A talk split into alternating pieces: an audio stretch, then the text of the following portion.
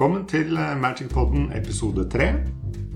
I dag skal vi ha et eh, intervju med Tor Håkon om eh, diverse ting rundt eh, Commander. I tillegg så eh, blir det jo alltid episodens kort og eh, hva skjer da? Og som vanlig så starter vi med aktuelle temaer og hva som har skjedd siden sist. Hallo, Trond. Halla. hei på deg, Valle. Hyggelig. Kanskje jeg skal fortelle litt om hva jeg har gjort sånn Magic-messig da, siste uke og en halv siden vi spilte i forrige episode. Hva har du drevet med, Valemon?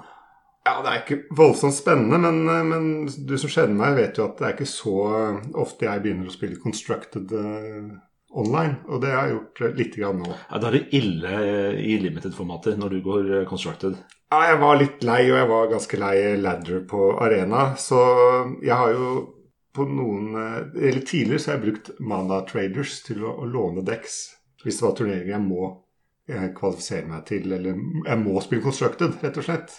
Ja, for ManaTraders, det er et uh, frittstående selskap som leier ut kort. Både papp, faktisk. Du kan få papp i posten fra ManaTraders, Eller så kunne du gå på noen MTGO-bots etter avtale med ManaTraders, og leie kort online og spille med. Ja, og du kan også kjøpe Tix og selge Tix og sånn. Og de har begynt med noe de kaller ManaTraders Mada Traders eh, Tournament eller noe sånt nå. Og det består av at hver måned så kjører de en turnering i et visst constructed-format. Og Ja. den måten her så var det um, Pioneer.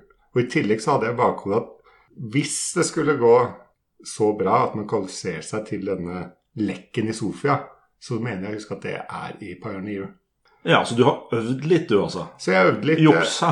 Ja, jeg bare så hva de mente var en av de bedre dekkene, og det, dekkene, og det var Arclight Phoenix, som er blårød dekk. Så jeg prøvde det litt, og jeg syns det var egentlig et ganske morsomt format. Så Ja. ja. Kan du fortelle litt om den dekken? Ja, så du har jo denne Arclight Phoenixen, firekost uh, 3-2 Haste Flyer. Eh, men det som er viktig med den, er at uh, kommer den i grave, så kan du få den opp av grave hvis du kaster tre instant and sorceries. Da kommer den ut eh, rett før combat face. Så det er en blårød spelsdekk hvor du skal få tilbake Arctic Phoenix fra Graveyard i bordet ved at du kaster masse spells. Ja. Masse cantrips, masse draw, eh, delve-kort, eh, masse burn-kort. Du spiller også med Thing in Eyes, som du nevnte her på en annen podkast, som du elsker. Og jeg syns også det er et morsomt kort å spille med. Ja, supert. Pioneer overrasker meg positivt, så, så det, var, det var kult. Kort om Pioneer-formatet. Det er jo et litt yngre format enn Modern. Det stemmer. Eh, Jeg sjekka, og det var fra eh, Return to Ravnica og til i dag. Så det ligger mellom standard og modern, rett og slett. Ja. Return to Ravnica tror jeg var 2011. Ja. eh, Og Modern var ganske tidlig på 2000, så det er ganske stor forskjell. ja. Så, så det var uh, artig. Men hvordan gikk det?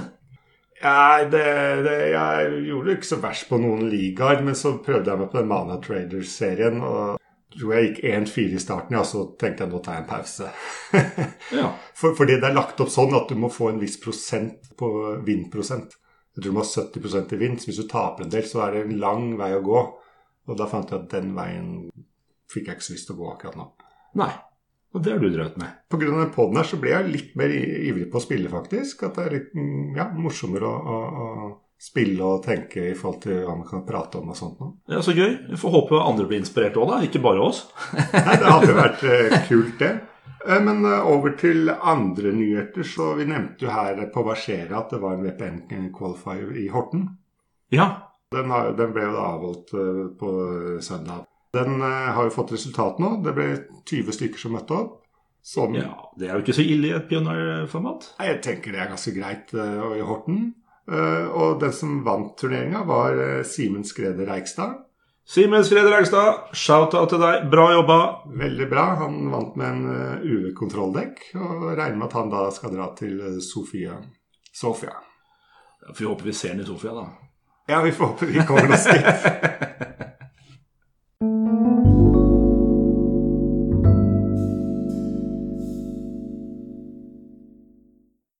Da skal jeg ønske velkommen til uh, Tor Håkon, en uh, bygningsingeniør fra Kristiansand. Og en meget dyktig Magic-spiller, som vi har hatt gleden av å spille en del Magic med nå i det siste. Det har du rett i. Ja, nu vel, nå er du kanskje litt vel sjenerøs her. Mer moro enn en god, da, kanskje. Men jeg liker å spille Magic. Det, det gjør jeg. Tor Håkon er notorisk nedsnakker av seg selv. Ja, er han er egentlig guru. Han sitter her i froskestilling med, altså, i kontakt med sine indre chakraer i kjortel, og han er klar til å snakke om Commander. Ja, Det var sikkert et bilde han likte veldig godt å, få. Jeg vil bare legge til at Sist gang vi spilte mot han, 2G, nede på OMS, tapte så det sang. Han knuste oss. Og hvis jeg husker riktig, så gjorde han til og med sånn tommelfinger, tommelfinger heter det Eh, press ned i bordplata for å illustrere hvor mye han skvisa oss. Det var såpass. ja, var såpass. Ja. Men nå handler det ikke om oss, Trond, så vi får kanskje gå i gang med noen spørsmål. Velkommen hit. Takk, takk. Veldig hyggelig og flott å bli invitert hit. Ja, vi setter veldig pris på at du kommer. Først vi lurte på er, eh, som vanlig, kan du fortelle litt om deg selv, og hvordan du begynte å spille Magic? Ja, ikke sant. Eh, jeg starta vel i det var 94-95 en gang. Mm. Jeg husker jeg kjøpte Fallen Empires Boosters på butikk gjemt inne i Lillemarkens, for de som er kjent da i Kristiansandsområdet. Og um, derifra så utvikla det seg til en ja, ble en svart-hvit uh, dekk den første gangen. Uh, med da fire Sarah Angels og fire Sengi Vampires. Oi, oi, oi, det, var, det var en hard byttehandel over lengre tid, men det var det som var den første, første dekken min. altså. Ja, for jeg tenkte her når du sa Fall Vamper, tenkte det var en litt sånn tøff start. Men dekkene mitt spill med, den var mye mer morsom. Fourth edition var uh, hovedinnslaget, det var det. det, var det. Og, og, det var slik at uh, man hadde jo forskjellige gjenger fra forskjellige nabolag og sånt. da, og, og en god kamerat av meg, og også uh, forstått kollega, uh, Alf Inge Tunheim, som, som, lærte meg å spille magic. Okay. Han, han, lærte meg verdien av tempo. Så han da la Birds of Paradise tur 1, og så la han da Yavimaya Rangers, en Vanilla 4-1 tur 2. Og så la han Joggenut runde 3, og da Yavimaya Ants runde 4. Og det er klart, da når jeg går land go for de første fire turene, og da spiller en Sarah Angel runde 5 eh, Så var det, det, var, det var en hard lesson eh, som gjentok seg gjentatte ganger. Det var det. Ja, og, og creatures på den tida var jo ofte litt svakere enn de er i dag. Sverre Ranger var en staple på uh, den tida. 4-4 for 5. Vigilance Flyer. Men problemet var at mye av det nettet hadde 4 power, så Nettopp, nettopp. Så det ble raskt skjede bort for å prøve å holde seg i livet her. Det gjorde den. Ja. Og deretter så utvikla seg egentlig dekken Egentlig mye av samme dekken utvikla seg som med, med Tempest. Så kommer da Cursed Scroll, husker jeg. Okay. Så jeg måtte også dytte inn noen, noen nighter med, med First Strike. Så dermed så fikk jeg da 2-2 First Strike da, til å kjempe igjennom da mot Yav My Ants og Yav My Rangers. Og så var det jo da Curse Scroll da, til å rydde opp en del i tingene. Og så fikk jeg en Disenchant til å ta Joggernatten, så da ble det jevnere og jevnere kamper, dette her. Så det her begynte litt sånn som jeg Trond som en, en kamp egentlig mellom deg og en kompis. Helt riktig. Ja. På, på kjøkkenbordet. Det gjorde det. Kitchen Table Magic. Men det vil si du er, en old relic sånn som oss, du også? Ja, så vel Jeg har spilt en stund, litt av og på. Jeg har det. Det er klart den, den lengste perioden nå har jo vært fra, egentlig fra, fra 2013 og utover. Da var det en annen eh, kamerat, Jo Inge Sandell, som, eh, som ja, han, han, kjøpte rett og slett disse fem dekkene, fem Precon Commander-dekkene, til oss i kameratgjengen. Altså fem stykker fikk hver sin, hver sin dekk, da. Og derfra så har det egentlig vært en Commander-spiller, altså. Har det. Okay. Har det. Okay. Ja, nei, Jo Inge har, vi kjenner jo han nå. Han spilte i Oslo. Mm. Og jeg tror det er en av de første jeg spilte mot sånn competitive turnering. Og tapte som sang. Ja. Han er en, en god gammel dyktig spiller som har spilt i mange år. Virkelig dyktig spiller. Og det, det som jeg er imponert mest over, er at den måten han, han, klarer å dedikere tid til ting. Altså, han, har, han har ganske mye på, på tallerkenen i utgangspunktet, men når han først setter seg inn for et eller annet, så er det all in på det. Ja. Og, og, og det er liksom det på detaljnivået. Altså, jeg husker um, han lagde en Tree Folk-dekk den gangen, og, og da måtte jo selvfølgelig Planesen i dekken måtte jo selvfølgelig også ha trær på bildet. Ikke sant? Så man går liksom helt ned på, på detaljnivået her. Og det å sitte og bruke tid da, til å finne disse små detaljene som gjør liksom den lille finishen, det, det er imponerende, altså. Så han er- Kudos til alle som er all in. Ikke sant? Han har imponert meg opp igjennom, altså. Det har han. Og så er det jo en sharialov som sier at du må prioritere magic. Ja, det er det, ja. Sånn Det er det. normal familie og litt sånn. Sånn er det bare. Men du er jo dypt inne i Commander-formatet. Mm. Uh, og det er et format som jeg og Valmon ikke har spilt så mye. Valmon terroriserte meg i flere år med Commander-dekken eh, hans hvor vi spilte én mot én og hadde Caracas. Det var eh, Kan du fortelle de som hører på, hva Caracas er? Ja, ikke sant? Hvis jeg husker riktig, eh, så er vel det et land. Eh, produserer en hvit i tillegg, gjør den ikke det? Jo, den kan eh, spilles som en plane, basically. Ja, men ja. den har en annen morsom effekt. Og det at den, eh, hvis du skriker den, eh, man tapper den, og så kan man da returnere en legendary permanent, eller legendary creature, til hånden. Det stemmer. Og det vil si at kommanderen commanderen min ble bounsa opp til hånda eh, hver gang jeg landet. Så det var litt slitsomt. Det stemmer. Og, og det får oss kanskje litt inn på uh, hva kommandoformatet er. For det tenkte jeg vi skulle gå inn på nå i, neste spørsmål. Så Ja. vi kan jo gli rett over det. Så du kan jo. Ja, ikke sant, ikke sant? fortelle litt om det, og kanskje også når det ble et format. For det var jo ikke et format helt fra de tidlige årene, tror jeg. Ikke sant? Her har jo dere selvfølgelig fremstakket meg altfor mye, så her, er, her, må jeg nesten oppfordre lytterne til å, til å google litt sjøl også. Men, men sånn som jeg oppfattet det, så startet det vel egentlig med, med Wizards, eller dommere, altså som fant opp sitt eget format, da. Eh, hvor man da hadde en 100-kort-singleton-format. Og man måtte spille da Legendary Creatures fra Legends, og, og primært av disse Elder Dragons, altså Nicol Bolas og Chromium og disse fem dragene. Ja, Som ble sluppet i da expansion-settet Legends, som var det tredje expansionet. Stemmer, Tilbake i stemmer. 94. Stemmer. Ja. Så det tror jeg liksom var, var vel starten, og så bredde det det her litt sånn utover om man, eh, man kunne plutselig bruke flere eh, kort da, som commandere. eh, Og, og eh, jeg, tror liksom det casual-delen gjorde nok at dette her spredde seg veldig fort. Ja, for I starten så ble det kalt Elder Dragon Highlander, hvis jeg husker riktig. Helt riktig. Så Commander-navnet fikk formatet først litt senere. Mm, mm. Og i 2013 så kom disse prekonstruerte dekkene som vi har snakka litt om nå. Ja. Eh, Som gjorde formatet litt lettere tilgjengelig for de som ikke hadde gamle kort. Og, og det, var, det, var lettere å bare kjøpe en dekk og kunne spille Commander. Ikke sant. Jeg tror nok også Wizards catcha litt on på det også. De skjønte at her var det noe eh, Noe som, eh, som spirte og grodde litt.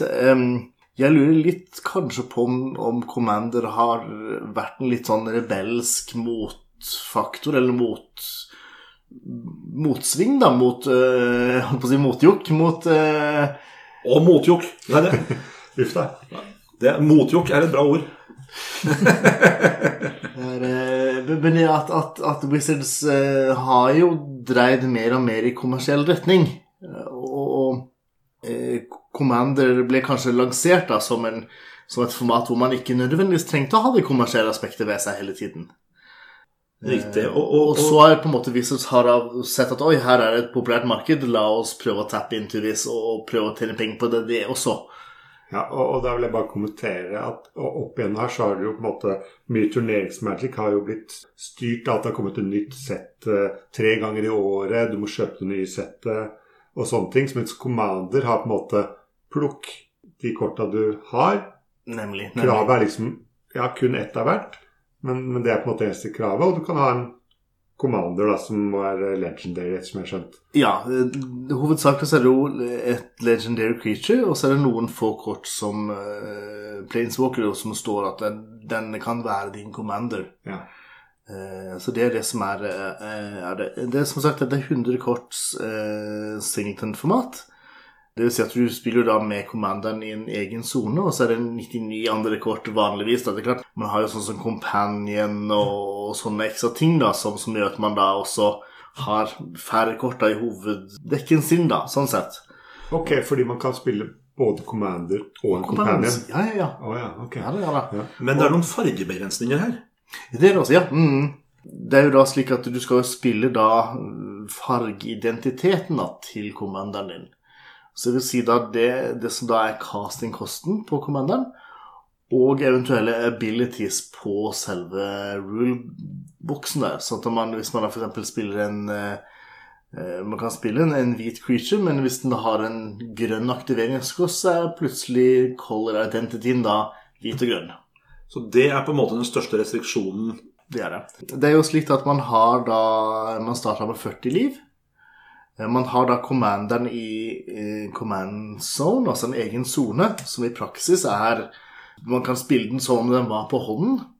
Og, og regelen er det at hvis commanderen da eh, dør, eller skifter sone på noe vis, f.eks. Eh, hvis den går fra battlefield i graveyarden, så kan man da velge, og det velger man, og som ofte så putter den tilbake igjen i, i command zone. Ja. Men da er den litt dyrere å spille ut når den skal ut igjen. Helt riktig, Trond. Veldig bra. Du har lest Ja, litt opp ja, det her. eh, Så det, det er, hver gang man kaster kommando, så blir den da to colors dyrere, så man ikke kan abuse eh, kommandoen så hardt da, som kanskje man kunne ha gjort, da. Det er det. Men det er jo basically et multiplayer-format, eller oftest det. Mm, mm. Og det er vel tre til hvor mange spillere som kan spille Commander? Oh, ikke sant? Det, den, den er spennende. Jeg vil si at tre spillere er eh, Da har man stort sett raske games. Eh, Jeg pleier å spille fire spillere. Da ender man opp kanskje i times games. Og fem spillere går det også, men da er det plutselig mye board awareness, og man går kanskje glipp av noe som skjer på enden av bordet. Ja. Og seks og utover så, så blir det litt sånn eh, Tiden går veldig fort, da. Eh, så da må man være veldig disiplinert da hvis man skal spille sexspiller og utover, tenker jeg, da. ja. Jeg har ikke spilt sexspiller sjøl, det har jeg ikke. Nei, nei, for da blir det sånn at det blir litt kjedelig for hver enkelt hvis det Det kan ta lang tid før det kommer til deg igjen, på en måte. Ikke sant, og Det er derfor sånn, disiplinen kommer inn. Da at da, da må man ha tenkt inn hva man skal gjøre, og bare utføre det, det og ikke noe sånn jokkmokk eh, frem og tilbake. Nei, nei, skjønner. Kan man spille én mot én? Det kan man absolutt. Um, Men, men det er også litt sånn Jeg tenker litt sånn Hvorfor? Det er det jeg liksom eh, Fordi Ja, for du tenker da at eh, Fordi jeg tror jeg nesten kun bare spilt det én mot én lite grann. mm, mm. Er, det, er det du tenker at hvorfor? Fordi da blir det mer den kompetitive greia? Ikke sant, ikke sant? Er det det som på en måte er feil tankegang rundt Det, det er det jeg liksom eh, tenker. Og, og jeg, har, jeg har en liten sånn artig hypotese her rundt dette her. Eh, for å dra det litt igjen tilbake til Jeg også har jo vært i, i Trondheim liksom i Kall det The Golden Era. Eh, altså med, med, med de kjente spillene derfra. Og okay. der er det spesielt to mennesker som har inspirert meg. Eh, Det ene er eh, Thomas Haaland, eh, en eh, god kamerat som alltid var raskest ute med å prøve nye dekker nye ting i limited-formatet. Altså, han var den som fant Dampen Fought-dekken i limited. Han var den som prøvde nye, rare ting. Tilsvarende også en annen god kamerat med Rune Anjum, som kanskje også noen av dere her er også kjent i Oslo-scenarioet. Han, han er utrolig dyktig på å finne leken i leken. Én ting er på en måte å spille Commander som det er, men så er på en måte det den moralske seieren, eller den andre leken i leken. Det er han utrolig dyktig på. Fordi Commander det skal først og fremst være gøyal magic. Man skal ikke spille Commander for å vinne. Nettopp, nettopp. Og, og her kommer min Dette er en ren hypotese, så, så en klype salt og, og litt sånt. Men jeg sammenligner egentlig litt Commander med det å spille rollespill. Nå antar jeg at lytterne er uh, utdanna og har uh, peiling litt på rollespill også. Men, men i, i rollespill så er det slik at man, da lager man jo en karakter for en kampanje, og det er man jo flere spillere. Og så koser man seg med det å bygge karakteren. Samme som man koser seg med å lage dekken sin. Ja. Og jeg tenker jo, eh, Nå har vi også hatt eh, Stranger Things og diverse som jeg tror mange vet hva rollespill går litt ut på, men litt det du snakker om med, med dekkbuilding. For du har jo constructed formater i dag som, som så veldig fort blir løst, som vi sier. At det er så veldig fort at folk legger det på nett. 'Det her er den beste dekken', og sånt noe. Ikke sant. Eh, ikke sant. og, og jeg liker jo godt limited, for da får du noen boostere på dagen. Mm. Du kan ikke sjekke noe. Du må lage det du tror er den beste dekken ut fra det her. Mm, Men jeg mm, føler mm. Commander har litt av det samme, at noe av det som er morsomt med det, er å plukke i et stort univers av kort og finne synergier og finne Ja, ja, ja. At du, du nesten skal ikke dra for langt, men du kan nesten føle deg litt som en kunstner hvis du faktisk finner noe veldig kult. Nettopp, nettopp, nettopp. Ja. Og, og der altså kommer jo også selve kampanjen inn, altså i rollespilldelen av det. Og det er jo her man liksom begynner å se skillene mellom det competitive og eh, Altså det å ha en kampanje hvor man har f.eks. fire fightere, Mm. så, så er ikke det en spesielt artig kampanje når alle er liksom supermin-maksa til å gjøre akkurat det. Det som er gøy, er jo hvis man har litt sånn rare oddefigurer, og man utfyller hverandre. Og det er jo også til sånn også her i Commander også, at selv om en kommer med en supermin-maksa tricked out-dekk, så vil de tre andre også være med på å utfylle og være med å holde igjen og, og liksom Den sosiale kontrakten her, altså. Det, er- det, er ingen, det er jo ingen som vinner i en rollespillkampanje. Ikke sant? Det er ingen som vinner som sådan. Og det er også litt her i, i Commander også at det handler om å vise frem hva dekken gjør for noe. Ja. Og, og så kan man eventuelt vinne på noe vis, liksom. Men man prøver liksom å, å la de andre slippe til og vise litt hva de er gode for. Det er en annerledes måte å spille Magic på enn for de som er veldig kompetitive. Mm, det er det. Det blir jo en helt omvendt tankegang. Her skal vi sitte og ha det gøy, og så skal vi sitte og dødle. Mm, mm. Og dødle er et uttrykk vi bruker når vi sitter og gullfisker, for de som vet hva det er. Ja, man ja, bruker lang tid på å gjøre ja, mye som egentlig ikke gir veldig progress i spillet, egentlig. Du gjør ikke masse skade og sånt noe, men plutselig så kan du slå til, da, iallfall når du sier gullfiske. Ikke sant, ikke sant. Men, men det her, jeg merker det her Min mindset er nok litt mer på den kompetitive. Mhm. For jeg vil alltid sitte der og tenke 'Hvordan kan jeg vinne det her?' Ikke sant? Så, så det er nok det er liksom, Man har forskjellige typer mennesker, og, og man har forskjellige typer spill innen Magic. Ja, ja. Eh, Og, og Commander har vist seg som noe som tiltar, tiltaler veldig mange folk. da. Mm. Ja, På samme måte som Commander kanskje ikke er for alle, så er kanskje ikke Modern for alle, eller Seal for alle. Så, så det er en annen måte å spille Magic på, Det er det. som har blitt veldig populær de siste årene. Det er det. Det er mange som spiller Kitchen Table Magic, som spiller Commander. Men det har også blitt et kompetitivt format, har det ikke det? Ja, det er også kompetitive formater. Eh, altså, eh, det er vel turnering som arrangeres. Det er vel stort sett én til én. Jeg, jeg har ikke peiling eller oversikt her, men, men jeg vet ut ifra dekklister, da, så er det også tilsvarende dekker her som, som kan vinne konsistentlig på tur to eller tre. Det, og det er jo litt sånn artig i forhold til at det, her har man jo modern og, og legacy-formater, som er um, 60 kort som, som har fire kort av hver. Altså man tillater liksom fire tutorer og fire ditt og fire datt. Altså, og, og allikevel så klarer man da i et 100 kort singleton-format da og, og kommer ned omtrent på samme tur-kill uh, som de dekkene. Så det, det er fullt mulig. Ja, såpass, ja. Fordi som vi har nevnt, så er det liksom bare ett kort av hvert. Så det er veldig mye vanskeligere å, å, å lage til rette for at du trekker akkurat de korta du trenger for å drepe motstander raskt. da. Ja. Men et problem som jeg ser for meg, det er at Per, Pål og Espen Askeladd de sitter og spiller Commander. Og så er Per og Pål veldig gode venner, og så dreper de Espen hele tida. Ja, sånn er det. Ikke sant? Ikke sant? Um, det, det er jo her liksom litt den derre Holdt jeg på å si rollespillmentaliteten kommer litt inn, da. At det, fordi For å komme seg gjennom kampanjen, eller for å komme gjennom liksom, For å ha det moro, da, så må man jo sørge for at alle fungerer, og man må på en måte beskytte litt hverandre, og man må liksom Så i hvert fall i, i de gamesene som jeg spiller, stort sett, så legger jeg merke til hvis noen er svakere enn meg så lar det gjerne være å, å Jeg, det. Jeg angriper problemer. Altså hvis det er noen som presenterer en soon to be combo kill, så vil man jo angripe det som er den som nærmeste trussel. For det er en fantastisk sånn- måte å spille magic på. Det er gentleman's magic.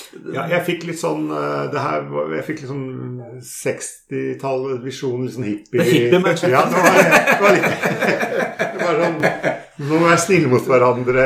Ja, ja, ja, ja. Ja. Men det er mer om å skape noe sammen, på en måte. da Ja, At ja. det er så, ja. Eh, Kult for de som får det til å bli en veldig kul greie. da Absolutt. absolutt. Det handler jo om det å være å, å ikke kjenne hverandre, men det å, å, kunne forstå hvor den andre vil henne. Eh, I Commander så brukes det ofte eh, noe som kalles eh, zero rule. Altså man Før man begynner å spille, så forklarer man hva dekken prøver å oppnå for noe. Ok. Eh, Så man kan si at jo, dette er en kompetitiv dekk som har en komboline med kikijiki og uh, den der feller som blinker. Altså, det kan være en sånn, og den vinner consistently på tur tre. Den har så og så mange tutorer og har ja, ja, Ikke sant? Da forteller man liksom det, det er det den dekken her prøver å oppnå. Og så vil jo da nestemann kunne si altså med dekken som jeg sitter foran meg her, f.eks., eh, som en helt håpløs idé. Altså, den her startet ut da med at jeg skulle spille alle, alle anti-flying-kortene som jeg fant. okay. Så at all, all removalen i den dekken her er da tornadoes og hurricanes og, og sånne ting.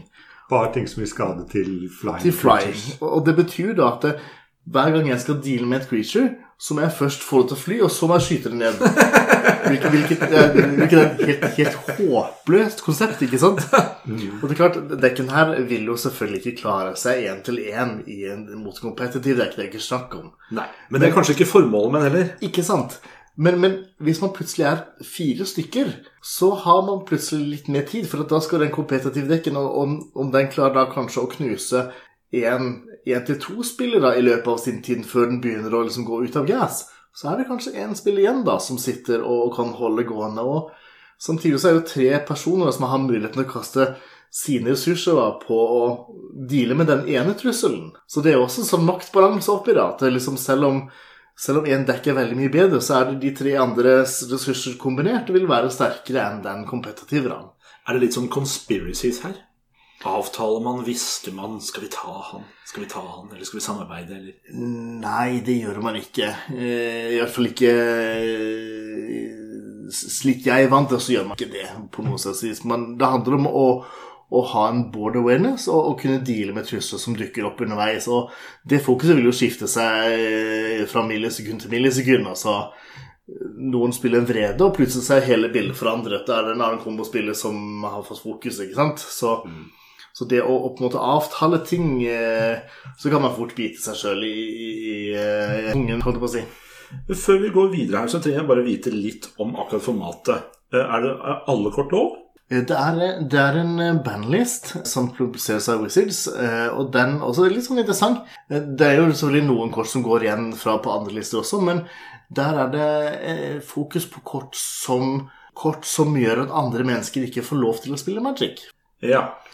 Så for eksempel eh, Leopold er vel en sånn kort som, gjør at, som sier at det, motstanderen kan ikke trekke mer enn ett kort eller sånt per tur. Ja. Og sammen med da Wheel of Fortunes og sånn, så er jo det på en måte en dekk i seg sjøl. ja. Og det vil si at da sitter jo han, hvis det har vært lovlig, så kunne man spille en uh, wheel, og så plutselig sitter han og trekker uh, buttloads med kort, mens ingen andre får lov til å trekke kort og spille Magic eller ha det gøy. Så det usosiale kort kan være banna. Ja. Så det er en egen bandlist på det. Det er det. Men, men siden nå vi har jeg kaller deg ekspert, ja. Så når vi har Trond spilt det, så ble jeg ganske sur på Trond. Eh, For, for du som spilte Caracas. vi er litt skrudd competitive i hodet ofte. Og han spilte alle de beste counterne. Ja. Force of og Mana Drain og sånt. Og jeg fikk liksom der Er det her Commander? Er de lov, lovlige? faktisk? Counters er, så er er fullt lovlige. Eh, og, og, og i, eh, i competitive magic så er det, så er det nest, jeg vil si nesten nødvendig å ha eh, Hør, hør. counters for å kunne interagere med, med den andre. For der går det så fort. Og, og hvis man ikke har den force of willen eller pact of Gation på det riktige tidspunktet, så taper man i competitive. Ja, Men- men, men hør, han sier competitive. Men Tor Håkon, er Caracas lov? Jeg lurer på om det faktisk er banna. Oi, oi, oi, oi, oi. Nå tar diskusjonen en, Nei, men det er forståelse for. Men han sa i competitive Jeg tror når han sitter med, med kompis og spiller, så blir man ikke så glad i det sitt med alle counterne, gjør man det? Nei, man, absolutt ikke. Eh, Jeg har et veldig godt eksempel fra, fra en video som er delt mye blant kamerater, hvor det da er en person som prøver å få komboen sin til å gå av. Og da er det to personer da som sitter da med counterbalance i bordet. Og så sitter da de med masse counters på hånden. Og det vil si at det, man gjør en action, og så skal noen sjekke dit, og så skal noen bruke sensei divine topp, og så skal man legge på bunn, og så skal man dekke sånn, og så skal man gjøre sånn, og så Ja, den eh, Da er han ferdig, og så er det passivitet til nestemann som skal gjøre masse greier frem og tilbake, mye deal og dall og mekking og sånn, og så er det liksom til nestemann, og så Nei, da ble spillet countera. Og så har man brukt da uhorvelig mye tid på tre spillere for da det ene kortet som kanskje fant et land eller et eller annet helt irrelevant, ikke sant? Ja. Så, så litt av den sosiale kontrakten her, da, det er å ikke ta opp for mye av spotlighten. Nei. Og i competitive magic så handler det veldig mye om det å nettopp være i spotlighten. Desto mer spills, desto mer ting jeg kan kaste sjøl, desto bedre gjør jeg det. Ja. Nå fikk jeg en sånn rollespill eh, Jeg vet ikke om det er en god referanse. Hvis du har en gruppe, og du har en kriger som alltid bare løper rett mot hver eneste fiende, og det plutselig er en drage, og du bare Hele gruppa blir sletta etterpå. er det på en måte litt sånn sammenheng man kan hate en som uh, spiller masse counters? Jeg, jeg, jeg føler Jeg meg litt litt. Eh, Jeg vil si, si counters er eh, både nødvendig og gøy, men, men, men eh, jeg tenker det er noe som I hvert fall i, i den sfæren som jeg eh, spiller i, så, så tenker jeg at det, det er noe som kanskje kan begrenses. For, for det er en Ja. sånn ting at det, hvis, hvis jeg har en creature deck, eksempel, og så sitter jeg og møter tre andre dekker som bare spiller mass removal hele tiden. Så ok, jeg legger en dyr på min tur, og så er det noen spiller Wrath of God før jeg er kommet rundt, ikke sant? Spiller et nytt dyr, ny mass destruction. Og da får ikke jeg spilt Da får ikke jeg hatt det moro. Vi, vi har jo et begrep som vi kaller fun police. Ikke sant? Ja. Mm. Og da føler jeg du har counters, men du har også, som du sier, vreder som da dreper alle Ja. creaturene på battlefield. Ikke sant. Det er også litt fun police. Ja. Du får liksom ikke spilt noe. i Men det er jo mange sosiale regler her, og, og, det, og det, det er jo litt sånn jungel for nye spillere, kanskje. Har du noen tips til nye spillere? Eller folk som ikke kan kommandoformatet, sånn som, oh, ja. sånn, sånn som til Valmon, da? Sånn er jeg. altså, Hvis jeg skal bare sånn si, kaste noe ut her med en gang, så har jeg tenkt ok, la oss gå ned til to, to master suction da, i dekken maks. Og kanskje la oss si fire counters maks. Og, og det kan kanskje være litt sånn conditional, eller ha en annen ting som må være oppfylt, eller ja, ok, eksempel negate, da, som ikke counter alt, for eksempel. Man har liksom så fire counters kanskje, to mass instructions, og da tvinger man seg selv til å spille mer interaktive spill. da. Man må være mer engaged da, i spillet og prøve å påvirke på andre måter. Og det er gøyalt å stille med en dekk du har laget selv, som har et tema eller noe du vil presentere, som kan være litt corky. Det er helt greit. Vi skal ha det morsomt når vi spiller Commander. Det er Absolutt, hele, absolutt. hele. Ja, og det er litt eh, det jeg tenker på hvis du sammenligner Constructed. At der er For det første så er det ofte de beste dekkene er på en måte allerede kjent ganske fort. Når de er kjent, så er det så ofte så mange kort som du kanskje liker og syns er gode, som ikke er aktuelle å spille Ja, ja, med. ja, ja. Mens jeg føler du har en større mulighet til å få det med i Commander. Absolutt. Det, det som jeg har hatt mest gøy med de siste par årene i, i min vennegjeng, det er å gi hverandre utfordringer. Altså det å si at ja, du skal være, du skal være en tribal deck. Du har bare lov til å bruke dyr med lik power toughness, f.eks. Så det er enten en en Ja, eller ok, to ja. to eller tre til. Altså, det å legge restriksjoner på hverandre, det er da man plutselig må grave ned i permen og finne hva pokker var den der rare engelen som gjorde altså, det, er da, det er da man begynner å utforske ting. Da får du brukt magic-hobbyen din til det fulle. Helt riktig.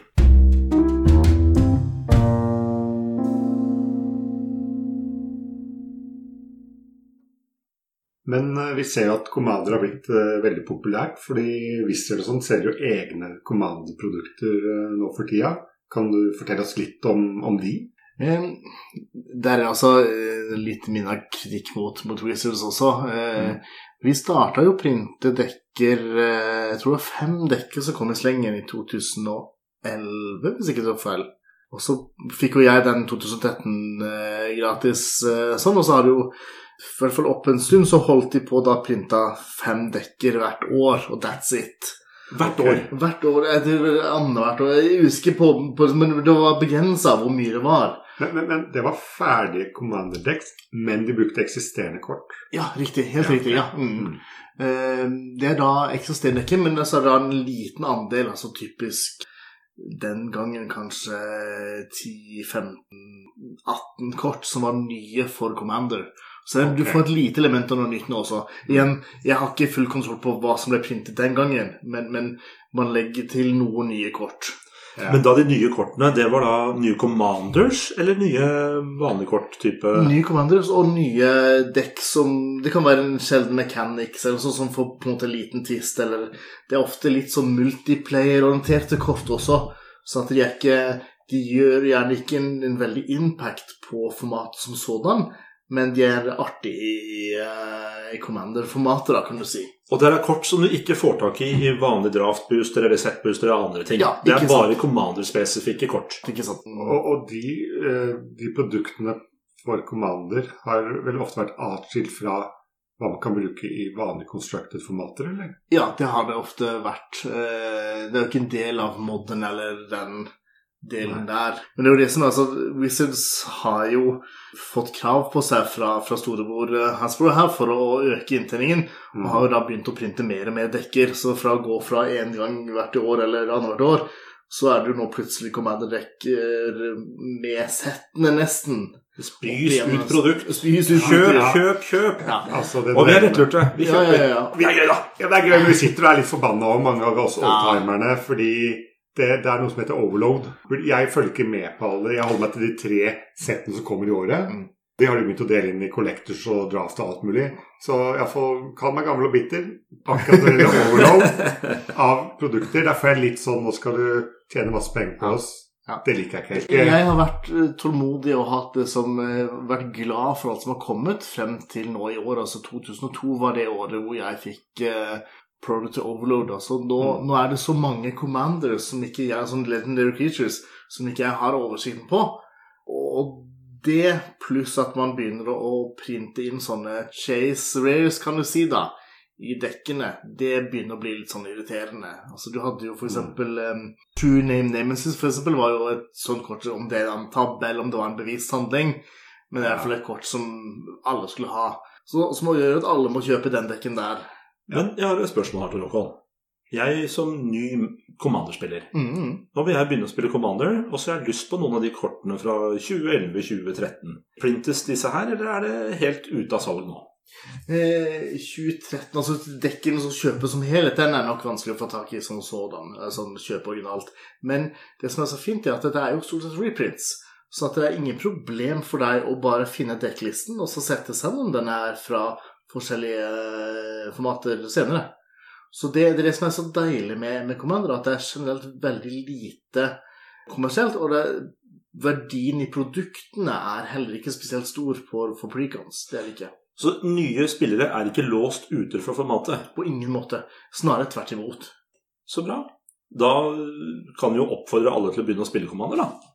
I hvert fall prøver det ut. Det er i hvert fall det som er eh, trekker litt på denne sp- rollespilldelen av ting. At det, ja, du, du kan, så lenge du har på en måte en plan og en idé og en, gameplan her, så gjør det liksom ikke noe om du har en imperfection eller en kort som du mangler, eller et eller annet. altså Karakteren og dekken vil fungere vel så bra for det. Det høres ut som en v- vømmerlåt. Du får spille med de korta du har. Ja. Men hva er din favoritt-Commander-dekk? Oi, oi, oi. Jeg Altså, jeg har vel en Jeg tipper en 30 aktive dekker per Oi! nå. Det er såpass, ja. Eh, Såpass. så det er sånn, eh, så, så, eh, men, men, men helt klart de som er mine favoritter, er de dekkene som har vært challenges. Det som har vært en utfordring fra en kamerat. Hei, kan ikke du bygge den her? Her er seksjonene. Oi, det høres gøy er ut. sånn- de, de har ofte vært de gøyeste dekkene. For at det, man, man må streve så voldsomt for å komme seg dit. Og når det faktisk funker, når den der rare barden som du lagde i rollespillsession faktisk funker, så er du så glad og du er så lykkelig over det. Selv om du vet at det er selvfølgelig mye mer optimalisert måte å gjøre på. Så, Det er herlig å høre på. Det er jo ordentlig nerding og kosing med er Magic det, altså. Er det. Ja. Det er fikling med papp på høyt nivå. Ja, ja, ja, ja. Ja, Det minner meg litt om når vi har spilt Constructed, og jeg husker du spilte et NM med Coldblade-dekken, som var veldig stor på den tida. Så hadde du gjort en liten tuning som ikke var så vanlig, og den gjorde at du fikk eh, vant en kamp, og det ga jo deg så mye mer. Mm, Ja, Det ja, Det er litt Det sånne ting jeg føler her. ja, ja. At, at du kan tenke sjøl og finne på noe eget. Virker som en stor, viktig greie i Commander. da. Ikke sant. ikke og, og forhåpentligvis se at det faktisk kan fungere. Ja. Jeg tror vi har lært veldig mye om Commander nå, Ja. Er det snart på tide at jeg og du tar opp eh, challengen igjen, eller? Kanskje, men uh, kanskje vi tar med Tor Håkon, da, så vi ikke blir så kompetitive. Nei, kanskje vi skal gjøre det. Og kanskje har vi Kanskje- lært litt av den sosiale biten her nå. At vi ikke bare skal være veldig kompetitive og så spille for å ha det moro. Ja, det, det, det sitter hardt i. Du veit jo, vi krangler sjelden, men når vi krangler, så er det ofte over spilling, altså. Jeg ser gutta drar på det her, altså. til altså så uh... vi skal se hva vi får gjort med å få tatt brodden av ting her. Så følg, følg med. Følg med, sier jeg bare.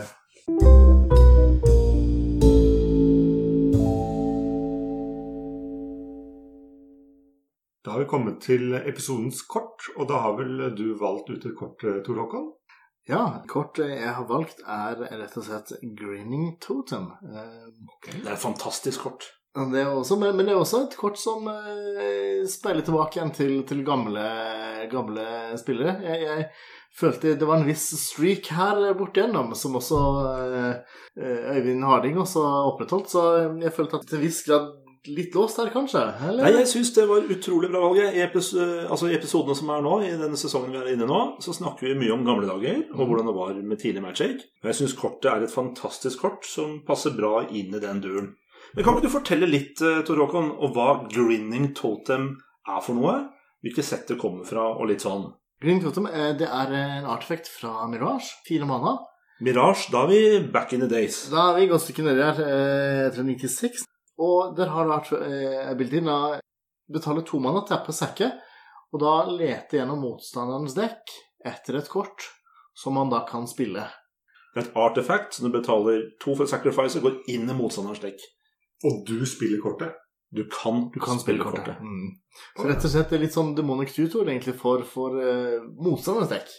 Jeg har en litt sånn artig historie på, på akkurat den her, faktisk. For at det, nok en gang en, en utfordring eh, i vendingen vår. Eh, vi skulle lage nostalgia decks. Eh, og, og det skulle være, være fra den perioden man spilte Magic sjøl.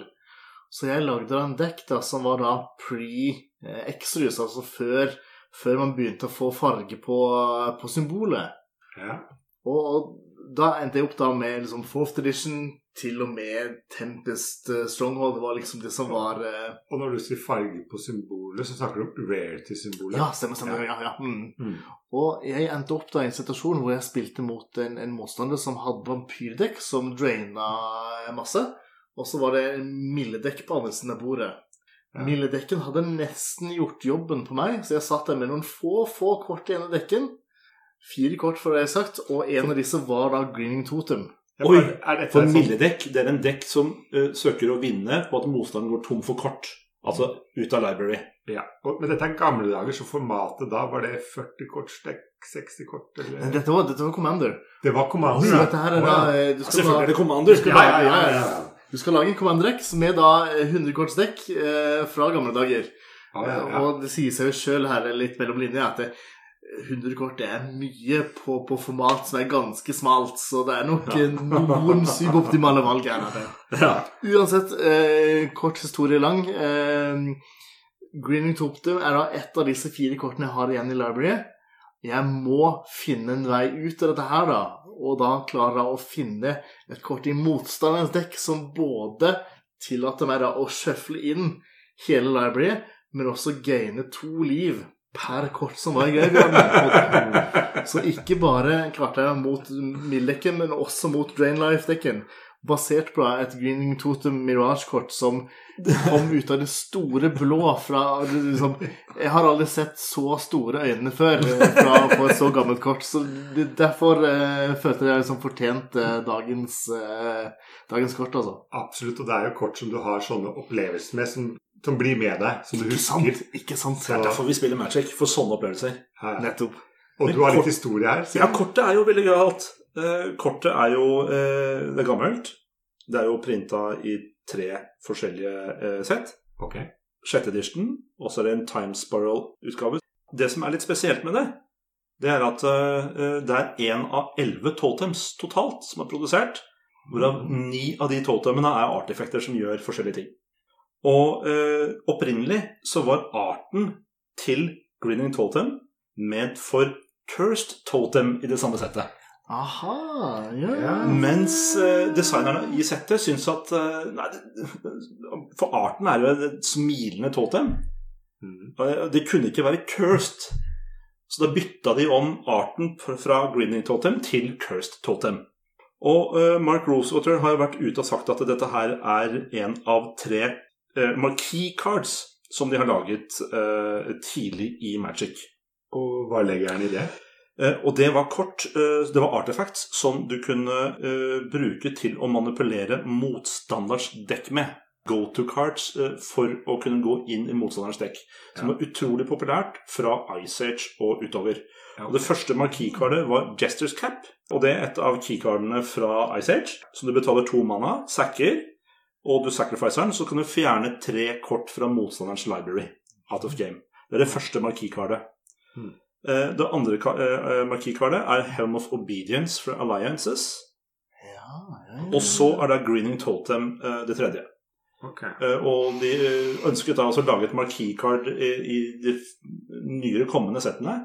Men eh, av en eller annen grunn så ble det ikke en tradisjon sånn som de hadde forutsett helt i starten. da. Nei. Men fantastisk valg. Greening Totem, kult kort. Kult kort og en kul historie. Da, da kan jo jeg faktisk, eh, mens jeg har lytterne på, eh, på kroken her allerede altså For de av dere som er erfaren eh, Commander-spillere, så gir jeg her en utfordring til dere. Lag en Commander-dekk som har flest mulig extraction-kort. Det å kunne extracte flest mulig kort fra motstanderens dekk. Vær så god. Super challenge.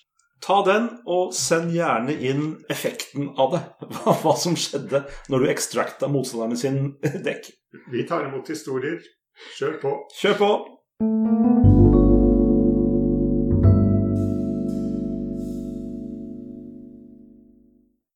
Og så Trond, så hadde du noen spørsmål til Tor Håkon? Ja, nå har jeg jo ti kjappe.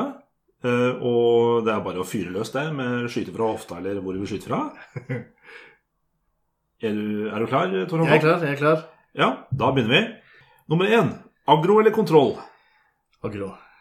Oh. To sealed eller draft? Sild. Tre commander med venner eller protour? Commander lett. Oi, oi, oi, oi, oi. Nummer fire ancestral recall eller time walk? Timewalk. Ja, det var veldig bra. nei. Nummer fem Caracas eller Counters i Commander? Oh, Cargas. Nei! Nummer seks Modern eller Pioneer? Modern. Sju Local Magic-turnering eller stor Open som Grand Prix? Stor åpen. Nummer åtte Selge kort med god fortjeneste eller samle til du dør? Samle til et Nummer ni Kaste alle commons du ikke trenger, eller sortere i timevis. Kastekommens. Ti Ja takk, begge deler, eller nei takk. Ja takk, begge deler. Ah, bra. Bra, bra, bra, bra, Bra, bra. bra. Ti raske.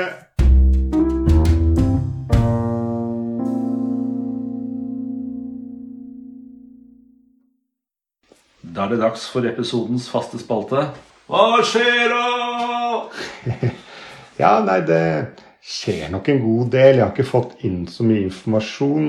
Men eh, vi kan jo begynne med OMF da, i Oslo, på Nydalen. Eh, Der har de en ganske interessant turnering nå søndag 14. eh, Og det er eh, en 2G Sealed, Chaos Sealed. Ja, Det virker jo som om den kanskje er skapt for meg og deg, Valmon. Den Det- 2HG Sealed, Det er vårt format, det. Ja, vi liker både 2G og Chaos. Ja, det er jo midt i blinken. Så det er mulig vi drar på den. Det høres ut som det beste formatet i Magic. Alle sammen, Nydalen bibliotek, OMF, Oslo Magic Forening, arrangerer. Ja, det var på søndag. Eh, Hvis vi går videre Søndag klokka tolv. Det er riktig, Trond. Skal vi gå videre, så har de på tirsdag 16. august klokka 18 en modern turnering. 18. august 1815 Legacy. Fredag 19. august 1730 Draft. Og lørdag 7. august klokka 13 Draft. Hver uke har de samme opplegget, da. Ja, så Dette er en sånn fast turneringsliste for uka til OMF. Ja. Ja. Tidligere har vi opplyst om eh, de faste turneringene som holdes eh, andre steder. Og kom gjerne med innspill om eh, hvor vi skal annonsere turneringer hen. Og send gjerne inn, så, så leser vi det opp i Hva skjer da? Men du var veldig tidlig på hva skjer han der, for vi har en liten godbit. Har vi en godbit? Ja, vi har det. Og det er at i Trondheim så har de en VPN-qualifier lørdag 10.9. 10.30. Og det er i modern-formatet. Oi! Og det er Outland Trondheim.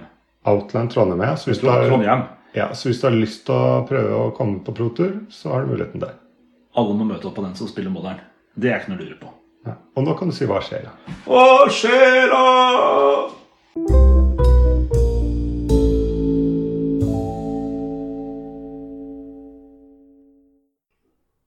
Jeg tror da nærmer vi oss eh, veis ende på episode tre. Ja, den eh, ble antageligvis ganske lang. Vi hadde jo en lengre samtale med Tor Håkon.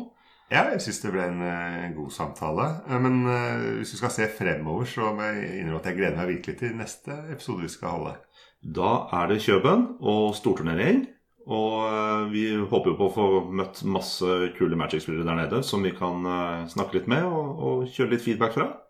Ja, fordi du har jo tenkt til å, å, å anskaffe en, eh, en mic med opptaker, så du skal gå litt rundt der og være litt som paparazzi, var ikke det planen? Inspirert av den store ullmikken til Alex Rosén på 90-tallet, så ønsker jeg å kjøre stuntreporter-style der nede.